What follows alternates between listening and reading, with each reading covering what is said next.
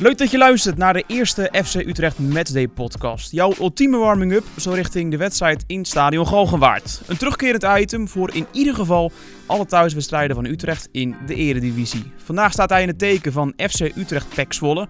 We blikken onder andere vooruit met Adam Maher en Willem Jansen. We hebben feitjes en weetjes uit het verleden. Wat kun je vandaag lezen in de FC Today?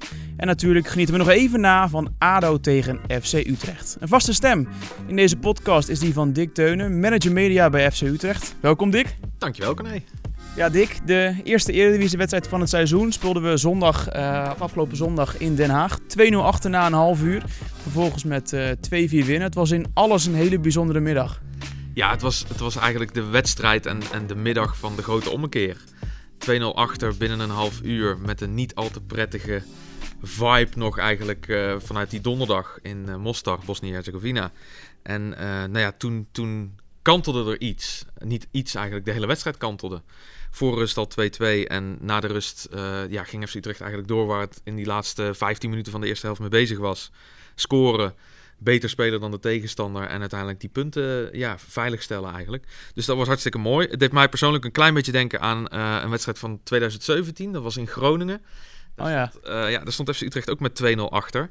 En uiteindelijk, en dat heb ik even opgezocht, maar waren het toen uh, Sébastien Aller, Giovanni Troupé en Yassine Ayoub. was een heel mooie goal, die laatste. Uh, die zorgde voor een 2-3 overwinning. En nou ja, die wedstrijd in Den Haag deed me wel een beetje aan die wedstrijd denken, eerlijk gezegd. Ja, en na afloop spraken wij natuurlijk onder andere met Adam Maher, John van der Brom en Maarten Paas. Ja, kijk, ik denk dat wij de na die, na die 2-0 juist extra juist beter waren aan de bal. Uh, de balsnelheid heel hoog hadden gehouden. En dan zie je gewoon dat we hun eigenlijk helemaal stuk hebben gespeeld. En uh, kijk, we hebben ook al een paar wedstrijden achter de rug gehad waar het echt om ging.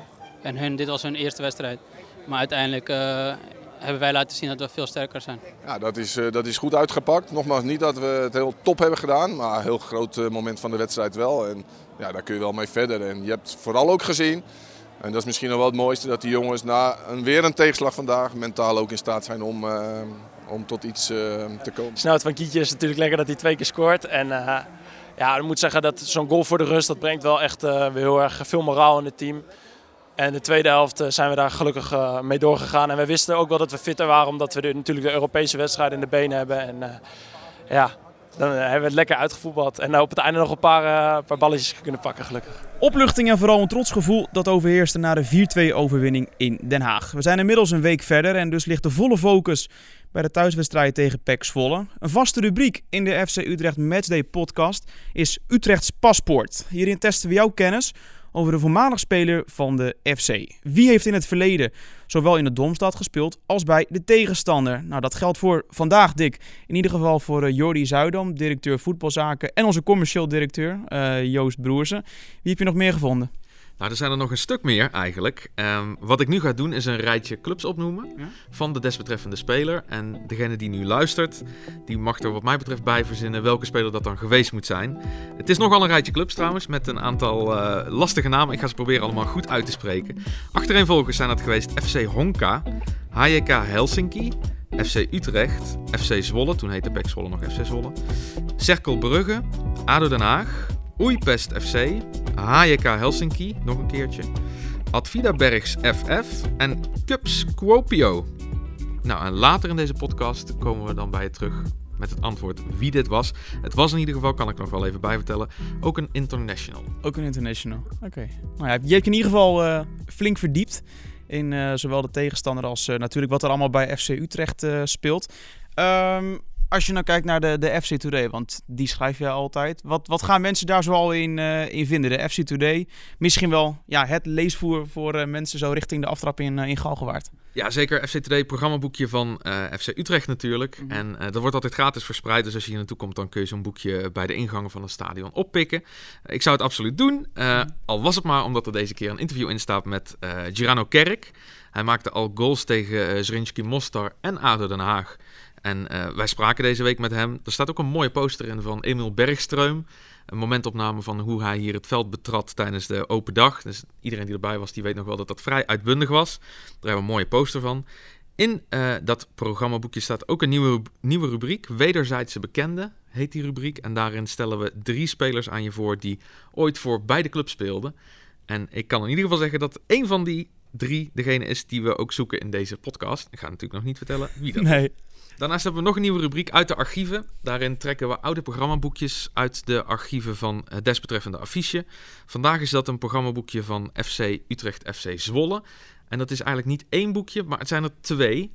Allebei van het seizoen 2002-2003. Allebei Ja. van een competitiewedstrijd. Daar is iets mee aan de hand. Hoe dat dan kan, dat lees je in de FC Today. En natuurlijk staat er ook informatie in over de selecties van FC Utrecht, van de tegenstander, kaartverkoopinformatie, standpuntprogramma van de Eredivisie en nog veel meer. Ja, kortom, even scoren en eh, ben helemaal up-to-date. Ja. Toch? Ja. Absoluut. Ja, om eh, kwart voor vijf dan eh, klinkt de aftrap vandaag natuurlijk tegen het PEC Zwolle dat eh, een week geleden met 3-1 verloor. Dat was dus ja, hun opening aan een nieuw seizoen in de Eredivisie. Aanvoerder Willem Jansen van FC Utrecht, die weet wel wat Utrecht in de Zwollenaren zal treffen. Ja, maar gewoon wel een vrij nieuwe ploeg. Eh, nieuwe trainer, een paar nieuwe spelers. We hebben ook wat problemen met blessures eh, van ervaren spelers. Maar PEC eh, speelt altijd een beetje hetzelfde spelletje. En eh, ook met de nieuwe trainer. Dus eh, ja, we weten wel wat we kunnen verwachten. En daar zullen we ons goed op instellen. En, Maar nee, we weten wat onze kwaliteiten zijn. We spelen thuis met de supporters achter ons. We hebben genoeg kwaliteit in het team en uiteindelijk moeten we gewoon voor de winst gaan. Niks anders. en het is ook leuk om op het begin natuurlijk er bovenin direct erbij te staan. Ehm, alleen ja, we moeten natuurlijk niet al gaan praten van kan een belangrijke wedstrijd worden of wat dan ook. Want iedere, iedere wedstrijd is belangrijk en, en we moeten gaan groeien dit seizoen, want kan, we kunnen nog veel beter. Ja, en dan hopen dat we over een langere periodes eh, resultaten kunnen gaan halen. Vorig seizoen won FC Utrecht dankzij treffers van Joris van Overheem en Sean Kleiber met 2-0 van PEC Zwolle. Het was de wedstrijd waarin Stadion Galgenwaard kennis maakte met de VAR. Want die eerste doelpuntmaker, Joris van Overheem, ontving met hulp van het videosysteem namelijk een rode kaart. Maar er zijn nog veel meer feitjes en weetjes. En Dick, daar heb jij je even in verdiept. Ik ben benieuwd eh, wat je zo al hebt gevonden. Ja, ik ben de boeken ingedoken natuurlijk. En eh, in die boeken stond eh, van alles en nog wat in relatie tot FC Utrecht PEC Zwolle. Op zich wel positief vond ik eigenlijk. In ieder geval toen ik las dat FC Utrecht de laatste vier thuiswedstrijden in de Eredivisie tegen PEC Zwolle allemaal gewonnen heeft. Daar werd ik persoonlijk wel vrolijk van. Ehm, nog wel een aardig feitje over de afgelopen vier seizoenen. Als je kijkt naar de afgelopen vier Eredivisie seizoenen, dan verzamelde FC Utrecht alleen tegen SC Heerenveen meer punten dan tegen PEC Zwolle. Die balans is 18 om 17. Ehm, dus PEC Zwolle is zogezegd een tegenstander waar FC Utrecht de laatste tijd wel graag tegen speelt. Nou, dat is op zich ook wel prettig. Als we met z'n allen weten dat PEC Zwolle precies de ploeg is die dadelijk op bezoek komt. Ehm, de meest doelpuntrijke editie van FC Utrecht PEC Zwolle, die heb ik ook nog eens eventjes bijgepakt. Dat was- Seizoen? Ja, 23 oktober 1983, seizoen 83-84 dus. Toen werd het 6-2 voor FC Utrecht. Zwolle kwam nog wel op 0-1, maar daarna ging het heel hard. Frans Adelaar, Leo van Veen, Gert Kruis, Jan van den Akker... Ook nog een eigen doelpunt van Alex Kamstra. En Ben Rietveld. Die vonden allemaal het net namens FC Utrecht. Nou, en dat wandelde de- toen dus over, eh, over de Zwollenaren heen. Ook nog wel een leuk eh, weetje in relatie tot de nieuwe trainer-coach van FC Utrecht, John van den Brom. Die won natuurlijk afgelopen weekend zijn eerste competitiewedstrijd als trainercoach van FC Utrecht. Het is al 30 jaar geleden dat een trainercoach van FC Utrecht zijn eerste twee eredivisiewedstrijden winnend afsloot. In seizoen 89-90 deed Kees Lofveld dat. Nou ja, en John van den Brom die kan dat dus gaan evenaren. Nou, dan weet hij wat hem eh, te wachten staat, toch? Absoluut, ja. Ja, zoals eh, altijd is er wel iets te melden qua, qua eh, ja, dienstmededelingen. Hè. Wat is er zo al gaande, bijvoorbeeld in de regio, qua eh, verkeersinformatie of wijzigingen in stadion Galgenwaard. Wat is belangrijk om rekening mee te houden voor de mensen die zometeen naar het stadion komen of al onderweg zijn? Nou, wat goed is om te weten is dat er een minuut stilte is voorafgaand aan de wedstrijd. Ehm, die minuut stilte die wordt traditiegetrouw gehouden bij de eerste eredivisie thuiswedstrijd van het seizoen die FC Utrecht speelt. En tijdens die minuut wordt dan iedereen herdacht die de club de voorbije jaargang is ontvallen. Ehm, dus dat gaat vooraf aan de wedstrijd. Ehm, wat ook vooraf gaat aan de wedstrijd, vanaf kwart voor drie al om precies te zijn, is het zogeheten fanplein. Dat wordt opgebouwd op het plein voor de Cityside. Daar staan onder meer een eh, terras opgesteld, een springkussen. Je kunt er voetbal sjoelen, een levend voetbalpool spelen. Ehm, de caravan van de fanshop staat er. Er is ook nog een frietkraam voor iedereen die nog lekkere trek heeft. Dus ehm, dat alles allemaal op, eh, op het plein voor de Cityside. Ook nog even heel goed om eh, te weten en om rekening mee te houden ook... is dat eh, FC Utrecht vanaf dit seizoen pin-only is. Dat wil zeggen dat je eigenlijk alleen nog met betaalkaarten kunt betalen... zoals bijvoorbeeld je pinpas. Ja. Ehm, nou, als je dan nog saldo hebt op je FC Utrecht betaalkaart, dan heb je tot 1 oktober de tijd om dat saldo op te maken of om restitutie aan te vragen. En dat kan dan via www.mijnfcutrechtbetaalkaart.nl.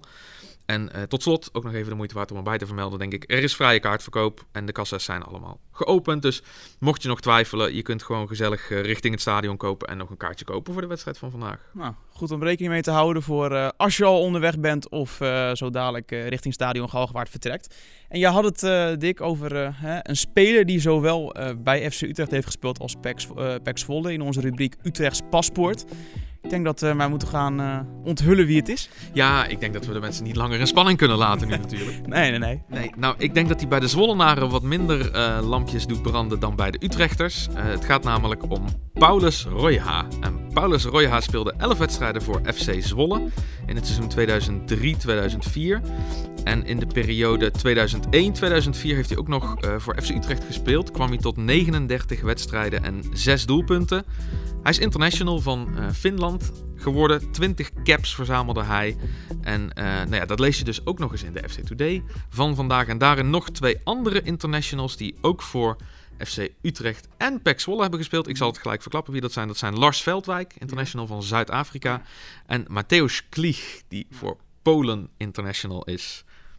Ja, die heeft hier nog op huurbasis gespeeld. Ja, dat was nog niet zo heel lang geleden trouwens. En uh, nee, dat van Royha is natuurlijk wat langer geleden, maar ik geloof dat jij daar nog wat beelden van hebt gevonden. Ja, inderdaad. Beelden uit uh, eh, 2002, want het was uh, eh, 10 november toen hij FC Utrecht na een driepunter schoot. Dat was op bezoek bij RKC Waalwijk en dat klonk zo. Tanger, mooi gespeeld. Dave van den Berg. Royha, 1-0 FC Utrecht. En dit was hem alweer, de eerste FC Utrecht Matchday podcast. Heb jij een link met de volgende tegenstander in Stadion Galgenwaard? Dat is VVV Venlo op zondag 25 augustus. En wil je meepraten? Of weet jij iets wat wij zeker moeten meenemen in deze podcast? Laat het dan weten door te tweeten met de hashtag FC Utrecht podcast. Of je mailt naar socialmedia.fcutrecht.nl Nou, een fijne en vooral veilige reis voor jullie gewenst als jullie zo naar eh, Stadion Galgenwaard komen. Dick, jij ook bedankt uh, voor je komst. Dankjewel, was gezellig. Ja, en uh, we laten ons verrassen wie of wat er uh, in de volgende podcast uh, aan bod komt. Hè? Dat is dus zondag de 25e. Ja, daar gaan we er weer voor. Heel graag. tot de volgende. Hoi hoi.